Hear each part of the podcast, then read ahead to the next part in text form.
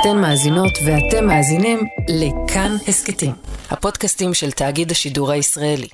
בימים שלאחר הבחירות, השיח כאן היה שיח משפטי, ונראה היה שגולת הכותרת של השינויים שתבקש הממשלה החדשה שעומדת לקום כאן לחולל, נוגעת למאזן הכוחות בין הרשויות, חיזוק הכנסת והממשלה, על חשבונה של הרשות השופטת. אין אחד במחנה הלאומי, אני חושב, שלא מבין שתיקון מערכת המשפט זה התנאי הבסיסי שבלעדיו לא נוכל לקדם אף אחד מעולם הערכים שלנו. פסקת ההתגברות אני אביא, לא נוותר. אבל הנה, התעוררה לה לחיים עוד מחלוקת, מוכרת, ותיקה, רוויית יצרים.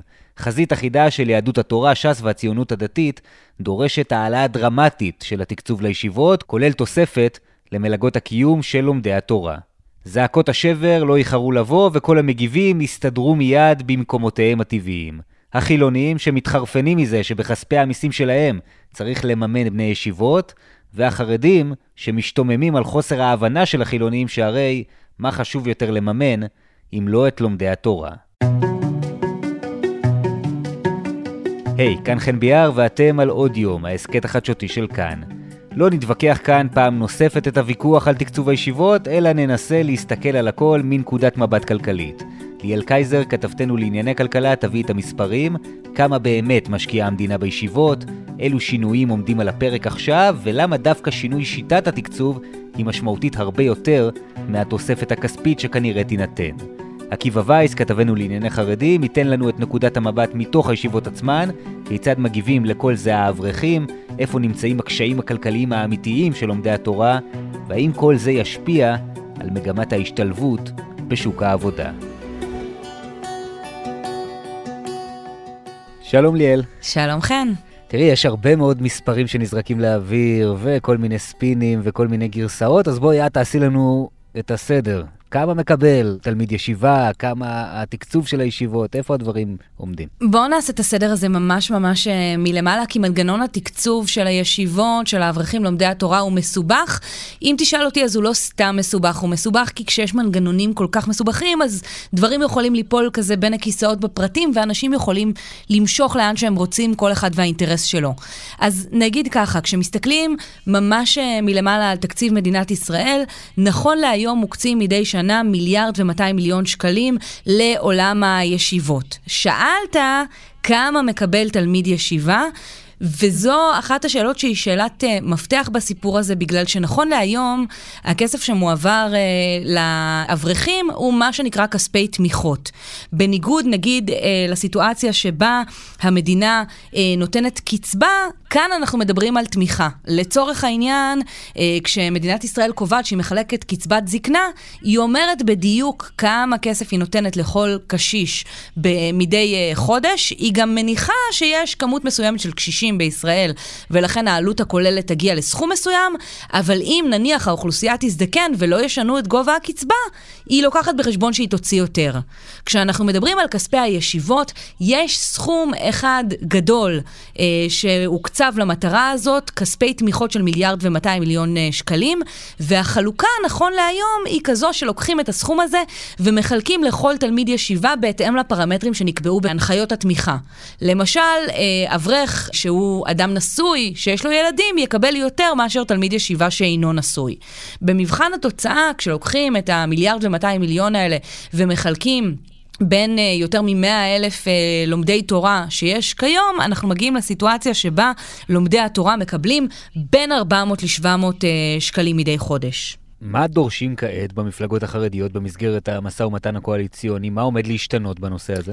אז הדרישה, כפי שאנחנו שומעים עליה מתוך uh, חדרי המשא ומתן, וכמובן שאנחנו מדברים על פוליטיקה, כל דבר הוא אמת לשנייתה, הדרישה היא גם להגדיל uh, משמעותית את הסכום עד כדי uh, מצב שבו הוא יותר ממוכפל, מתקרב לכיוון השלושה מיליארד שקלים בשנה, אנחנו מדברים כרגע על מיליארד ומאתיים מיליון, ומעבר לזה, הדרישה היא שהתקציב פר אברך יהיה סכום חודשי של 1,314 שקלים, או לא יפחת מהסכום הזה. עכשיו אמרנו, כן, שעד עכשיו מה שעשו זה לקחת את הסכום הגדול, לחלק אותו בין לומדי התורה לפי פרמטרים שנקבעו ביניהם, בין אם הם בעלי משפחות לבין אם הם אינם וכן הלאה, ואז כשעושים את החלוקה להגיע לאיזשהו סכום. כאן באות ואומרות המפלגות החרדיות בדרישות המשא ומתן שלהן שהן דורשות שיהיה איזשהו רף מינימום שכל אחד יקבל. עכשיו, אם אנחנו מסתכלים לשנים קדימה, המשמעות היא שכשמדברים על הגדלה של סכום התמיכות בישיבות, זו לא תהיה הגדלה חד פעמית, כי אם אנחנו מניחים שמספר לומדי התורה ילך אה, ויגדל עם השנים, וכמו שזה נראה כרגע אין סיבה שלו, הרי שיהיה צורך מדי שנה בעצם להגדיל את סכום התמיכות אפילו יותר אל מעבר לאותם כמעט שלושה מיליארד שקלים, כדי שבכל שנה הסכום יספיק לאותה דרישת מינימום של יותר מ-1,300 שקל. כלומר, בעצם הדרישה הזו היא משמעותית מכיוון שהיא משנה את חוקי המשחק והיא בעצם מבטיחה קדימה את המשך התקצוב ואפילו את המשך העלייה בתקציב שיינתן לטובת המטרה הזו. זה לא עוד איזושהי תוספת או עוד איזשהו תיקון של המצב, זה משהו שהוא משנה לחלוטין את השיטה כולה. נכון, אם הדברים הם, הם כמו שבאמת אנחנו שומעים אותם מחדרי המשא ומתן, אז הדרישה היא לעשות מהפכה של ממש באופן שבו מתקצבים את לומדי התורה בישראל. זה קשור גם uh, לזה שיש דרישה להכניס את הסכומים האלה למה שנקרא בסיס התקציב. כלומר שהם יתגלגלו משנה לשנה ולא יהיו חלק מההסכמים הקואליציוניים. היום הסיטואציה היא שחלק מאותם יותר ממיליארד שקלים הם ממש בבסיס התקציב, וחלק יש סחר מכר פוליטי בכל פעם שקמה כאן uh, ממשלה מחדש. הדרישה של המפלגות הדתיות היא לעשות שינוי ולייצר סיטואציה שהכסף הזה הופך להיות הרבה יותר בטוח וודאי משנה לשנה.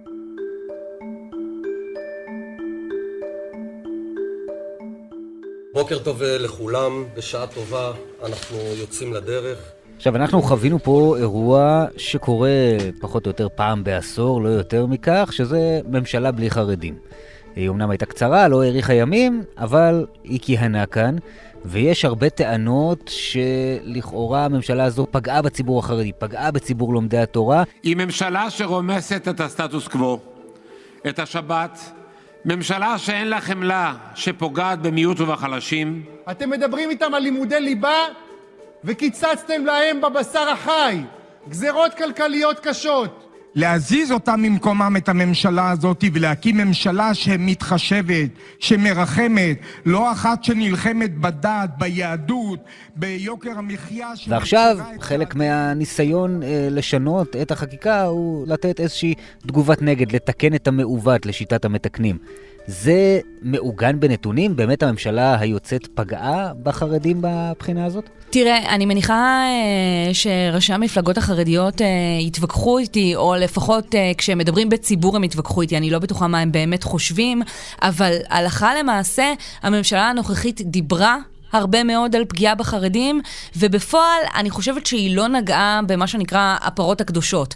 כי כן, אה, ראינו אה, מיסוי על הכלים החד פעמיים, שאיכשהו הפך להיות אה, דגל של אה, הציבור החרדי. כל 11 שקלים על חד פעמי, ושקל על, אה, או פלוס על משקאות ממותקים, או משקאות מופחתים, גם על משקאות דיאטטיים, על, על הכל. אפשר אולי להבין שזה עניין שנוגע למשפחות אה, ברוכות ילדים.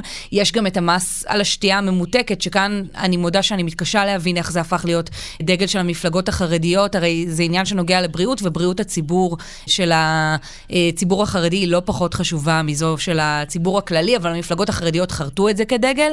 מעבר לזה ראינו את הניסיון אה, לבטל את הסבסוד למעונות היום לילדי אברכים. בג"ץ עצר את שר האוצר ליברמן, לא אפשר לו לעשות את זה.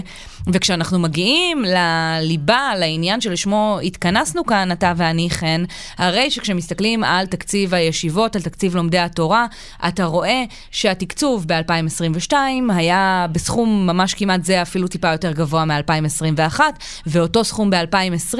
כלומר, היו דיבורים אולי על לעשות שינויים בתחום הזה, אבל הפעם האחרונה, לפי מה שאני ראיתי כשבדקתי, שהיה קיצוץ אמיתי בתקציב הישיבות, היה ב-2013. לפיד היה אז שר אוצר, נתניהו היה ראש ממשלה, היה קיצוץ של חצי מיליארד בכספי התמיכות בישיבות, וכשהמפלגות החרדיות חזרו לממשלה ב-2015, הן החזירו את מה שקוצץ. אז בעצם עכשיו תהיה תוספת, ככל הנראה תהיה תוספת, מבלי שהיה קיצוץ קודם לכן. מה אומרים במשרד האוצר? מה אומרים נערי האוצר, פקידי האוצר, אנשי המקצוע, על התוספת הזו, איך זה יבוא לידי ביטוי במשמעות הכוללת של התקציב? אז תראה, העניין של התוספת התקציבית הזאת של עוד מיליארד ומשהו שקלים מדי שנה, הוא הרבה יותר גדול. מהסכום הזה כשלעצמו. במשרד האוצר מסתכלים על האירוע הזה מלמעלה ואומרים, אם אנחנו כל הזמן חושבים על רפורמות, על צעדים שהמטרה שלהם היא להכניס את הגברים החרדים לשוק העבודה, ונגיד פחות מ-50% מהגברים uh, החרדים בישראל יוצאים uh, לעבוד, או לפחות יוצאים לעבוד באופן שהוא מוצר ומדווח, אז אם זו המטרה שלהם, הרי שצעד כזה של הגדלת uh, תקציב הישיבות, הגדלת התמיכה בלומדי התורה, uh, זה צעד שרואים אותו ככזה שיקטין את הסיכוי שאנשים שאולי מתנדדים, אולי נמצאים בדרך לשם, ייכנסו לשוק העבודה. התמריץ החיובי הוא כרגע להמשיך אה, וללמוד תורה. ואתה יודע, המשפט ששמעתי...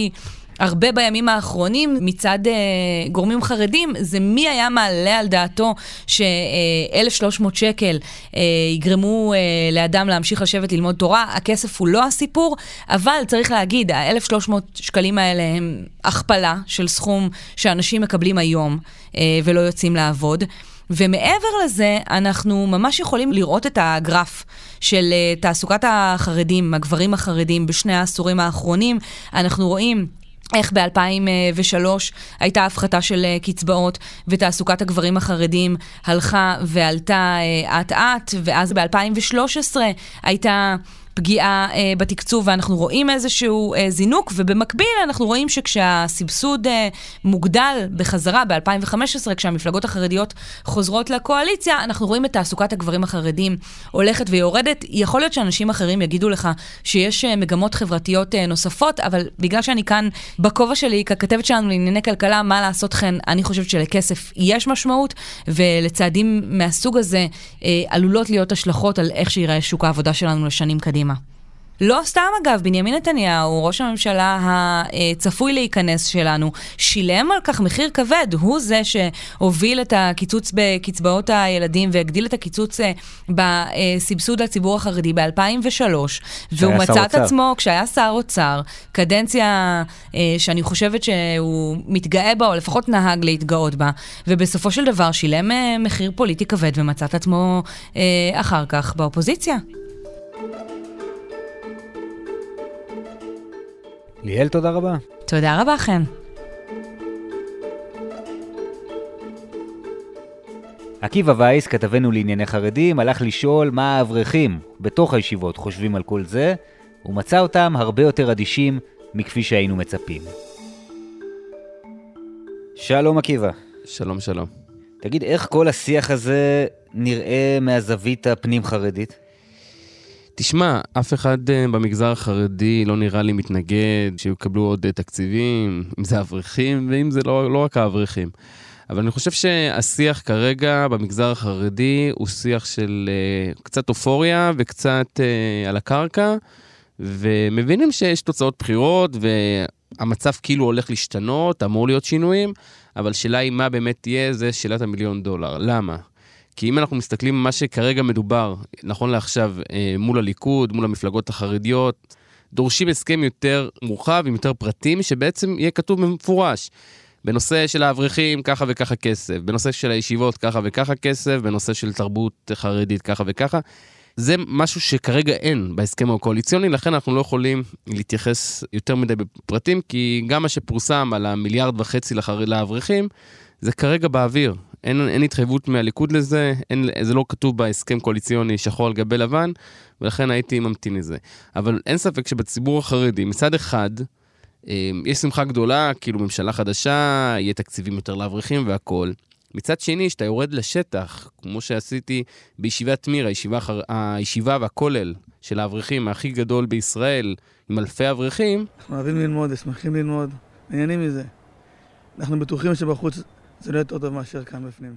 ואתה פוגש שם אברכים בני גיל 60, 70, אנשים שכבר 40 שנה בכולל. כאילו, זה אנשים שוואלה, הייתי מבקש מהם ברכה, באמת. ברוך השם, אה, בערך 40 שנה.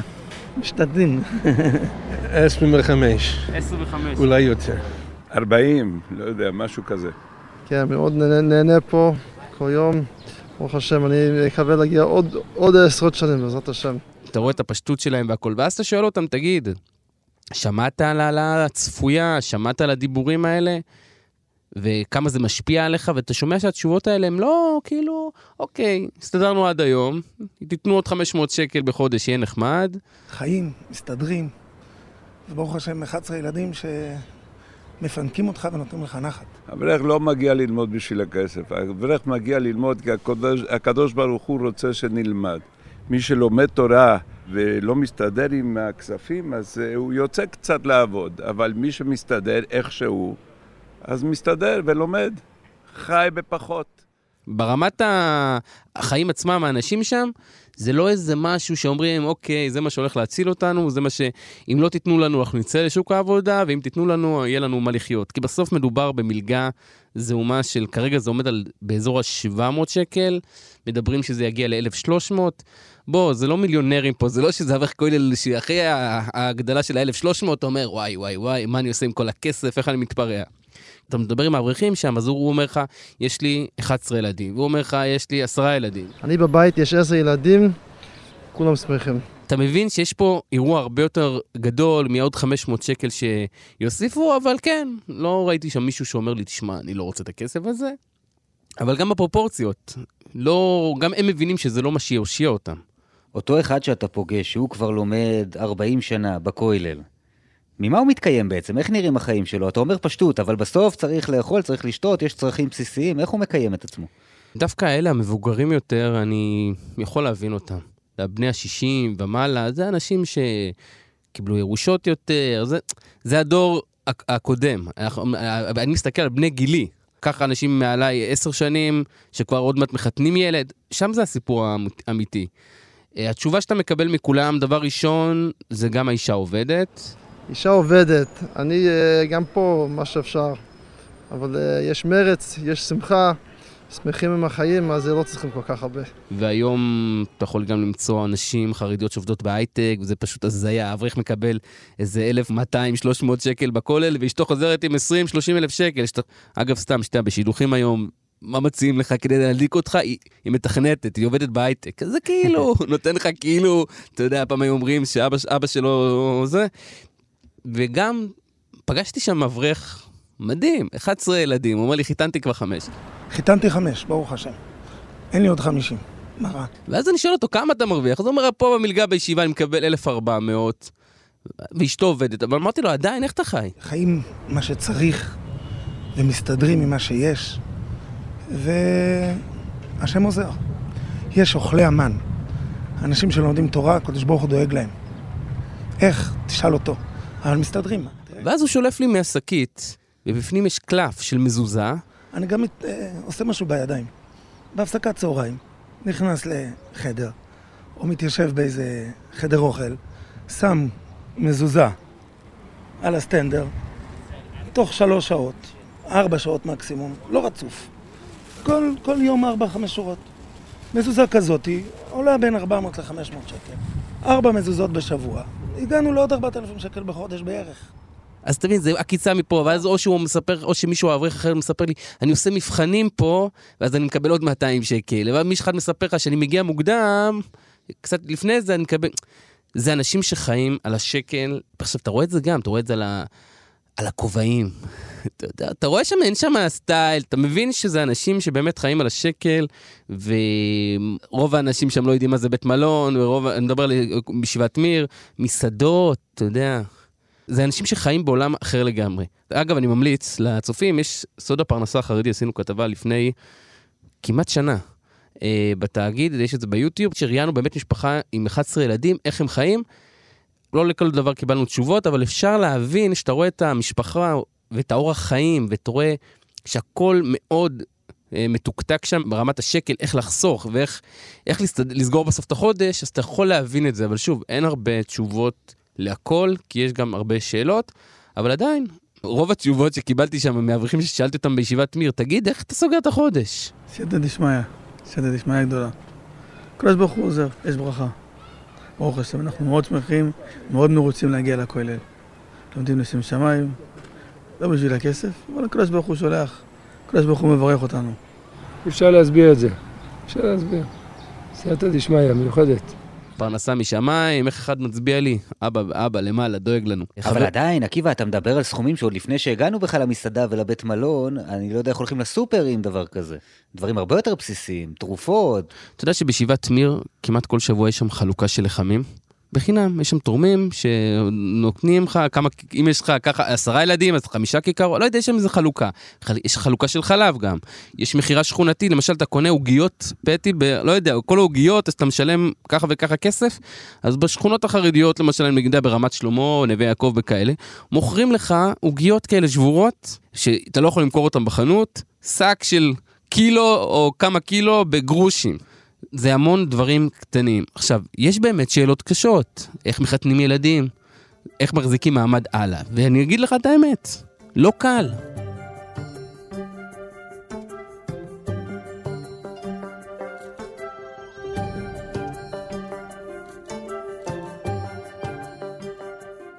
כמה הדרישה הזו של העלאת התקצוב של הישיבות, של העלאת הקצבה, הגמלה שמקבל לומד התורה, עד כמה זה ישפיע לדעתך על כל הנושא של יציאת גברים חרדים לשוק העבודה? דיברת קודם על נשים חרדיות בהייטק, עד כמה הדבר הזה גם אולי בא לתת מענה לגל הזה שאנחנו רואים, אולי לפעמים יותר מהיר, אולי לפעמים לאט לאט, אבל בכל זאת תהליך של השתלבות בשוק העבודה.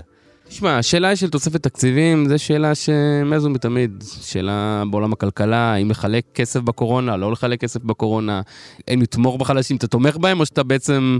זה, לא, לא ניכנס לזה, נשאיר את זה לרבנים הגדולים שמבינים בכלכלה. אני מסת, מסתכל על הפרקטי יותר. אתה שומע את האנשים, אתה מבין שהם חיים באירוע אחר, אתה חושב ש... כאילו, איך הוא אומר, יוסיפו לי, סבבה, לא יוסיפו לי, גם סבבה, אנחנו נמשיך ללמוד. שום דבר לא יגרום לצאת לעבוד. אם יעלו, מה טוב, אם לא יעלו, נסתדר, משמיים, פרנסה משמיים. מצאתי שם גם אברך לשעבר, שהוא הקים היום סוג של הוצאת ספרים תורניים, סוג של עבודה תורנית, שהוא מוציא ספרים. ואתה שואל אותו, כאילו, הוא אומר, אני הייתי אברך, לא התאים לי, יצאתי לעבוד. יש כאלה שבאמת העול הכלכלי זה עול, אני, גם אני היום לא יושב בכולל, אני עובד. מי שמרגיש ככה יוצא לעבוד, אבל יש הרבה שיש להם טעם בלימוד, וטעם בלימוד זה, מי שיש לו את זה, זה דברים שאנשים לא מוותרים עליו. לא מוותרים עליו והם יעשו הכל כדי להמשיך. גם אם יעשו עבודה בלילה או בין הסדרים, יהיה להם חשק ללמוד. והם עושים את זה מתוך שמחה ובחירה. ואני מכיר הרבה כאלה, יש לי ברוך השם במשפחה, אני ילד 12 מתוך 12, והאחים שלי כולם אברכים ושמחים מזה, ברוך השם. זה בסוף צריך להגיע מהחלטה. אני לא חושב שבן אדם, אם המדינה תוריד 500 שקל או תיתן 500 שקל לבן אדם, זה מה שיכריע אם לצאת לעבודה. יש פה אנשים עם שכנוע אמיתי שהלימוד התורה זה הדבר הכי חשוב. מה באמת רוצות המפלגות החרדיות? האם הן רוצות את הצעירים הולכים ללמוד תורה, או יוצאים לעבוד? אני חייב להגיד לך, בוא, המפלגות החרדיות, היום, היום הציבור החרדי הוא גדול. חרדים היום שמשתלבים במקומות שאם היית שואל אותי לפני עשור, הייתי צוחק.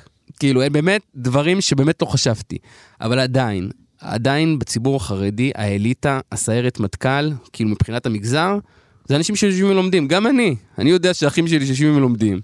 הם נמצאים במקום הרבה יותר, בטח במעמד חברתי, במה שהם עושים. הם מרגישים שבאמת זה הדבר הכי חשוב.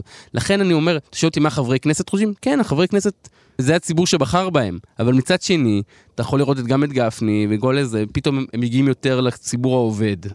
אה, הם לפני הבחירות בדרך כלל, אבל זה גם יפה, זה גם איזו התקדמות, אתה יודע, כאילו, היה איזה חבר כנסת, נראה לי יצחק פינדרוס, אמר, אני הנציג של החרדים העובדים, כאילו. הם מבינים שהציבור גודל, וכמו שיש אברכים, אז יש גם אנשים שאין להם כוח להיות אברכים, או שהם לא יכולים, לא מסוגלים להיות אברכים, והם צריכים לייצג את כולם.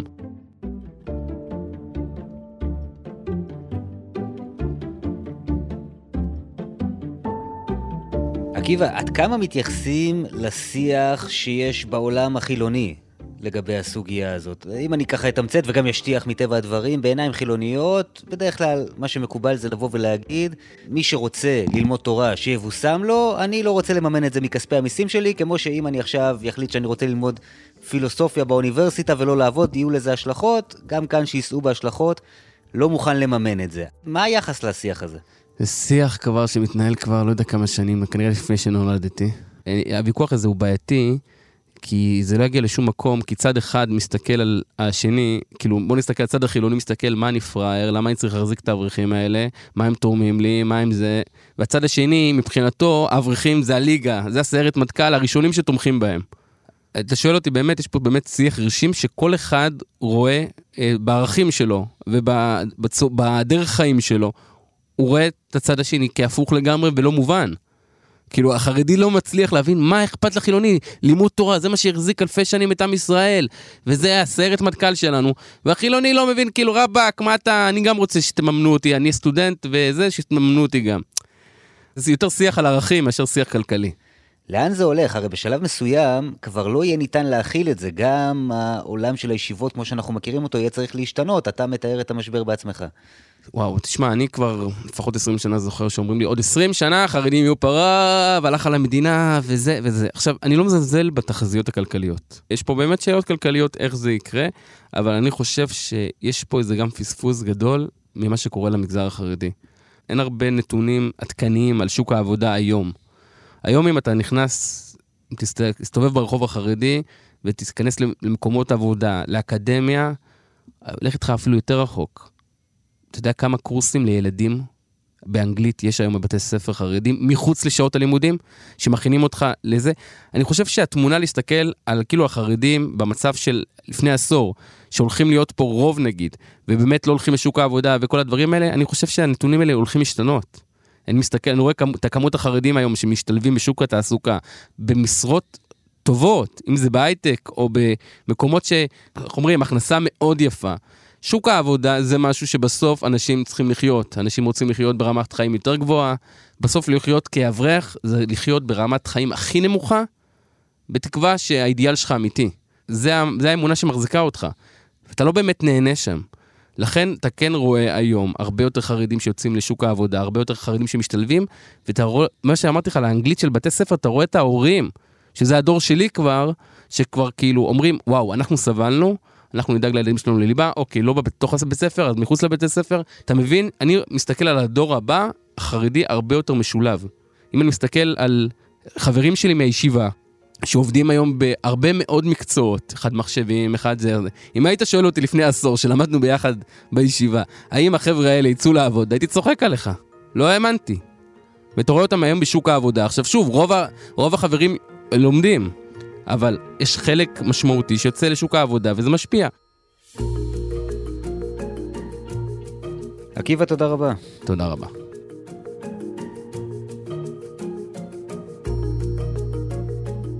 עד כאן הפרק הזה של עוד יום, דניאל אופיר הוא העורך, אלעד זוהר על עיצוב הקול והמיקס, קובי בז'יק ודימה קרנצוב על הביצוע הטכני, גם יותם רוזנבלד איתנו בצוות של עוד יום.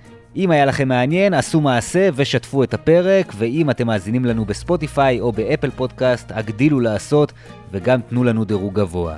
הערות אפשר לכתוב לנו בקבוצת כאן הסכתים בפייסבוק, ואפשר גם אל החשבון שלי בפייסבוק או בטוויטר. פרקים חדשים של עוד יום עולים בימים ראשון, שלישי וחמישי, את כולם וגם הסכתים נוספים מבית כאן תוכלו למצוא בכל מקום שבו אתם אוהבים להאזין להסכתים שלכם, או באתר שלנו. אני חן ביאר, נשתמע.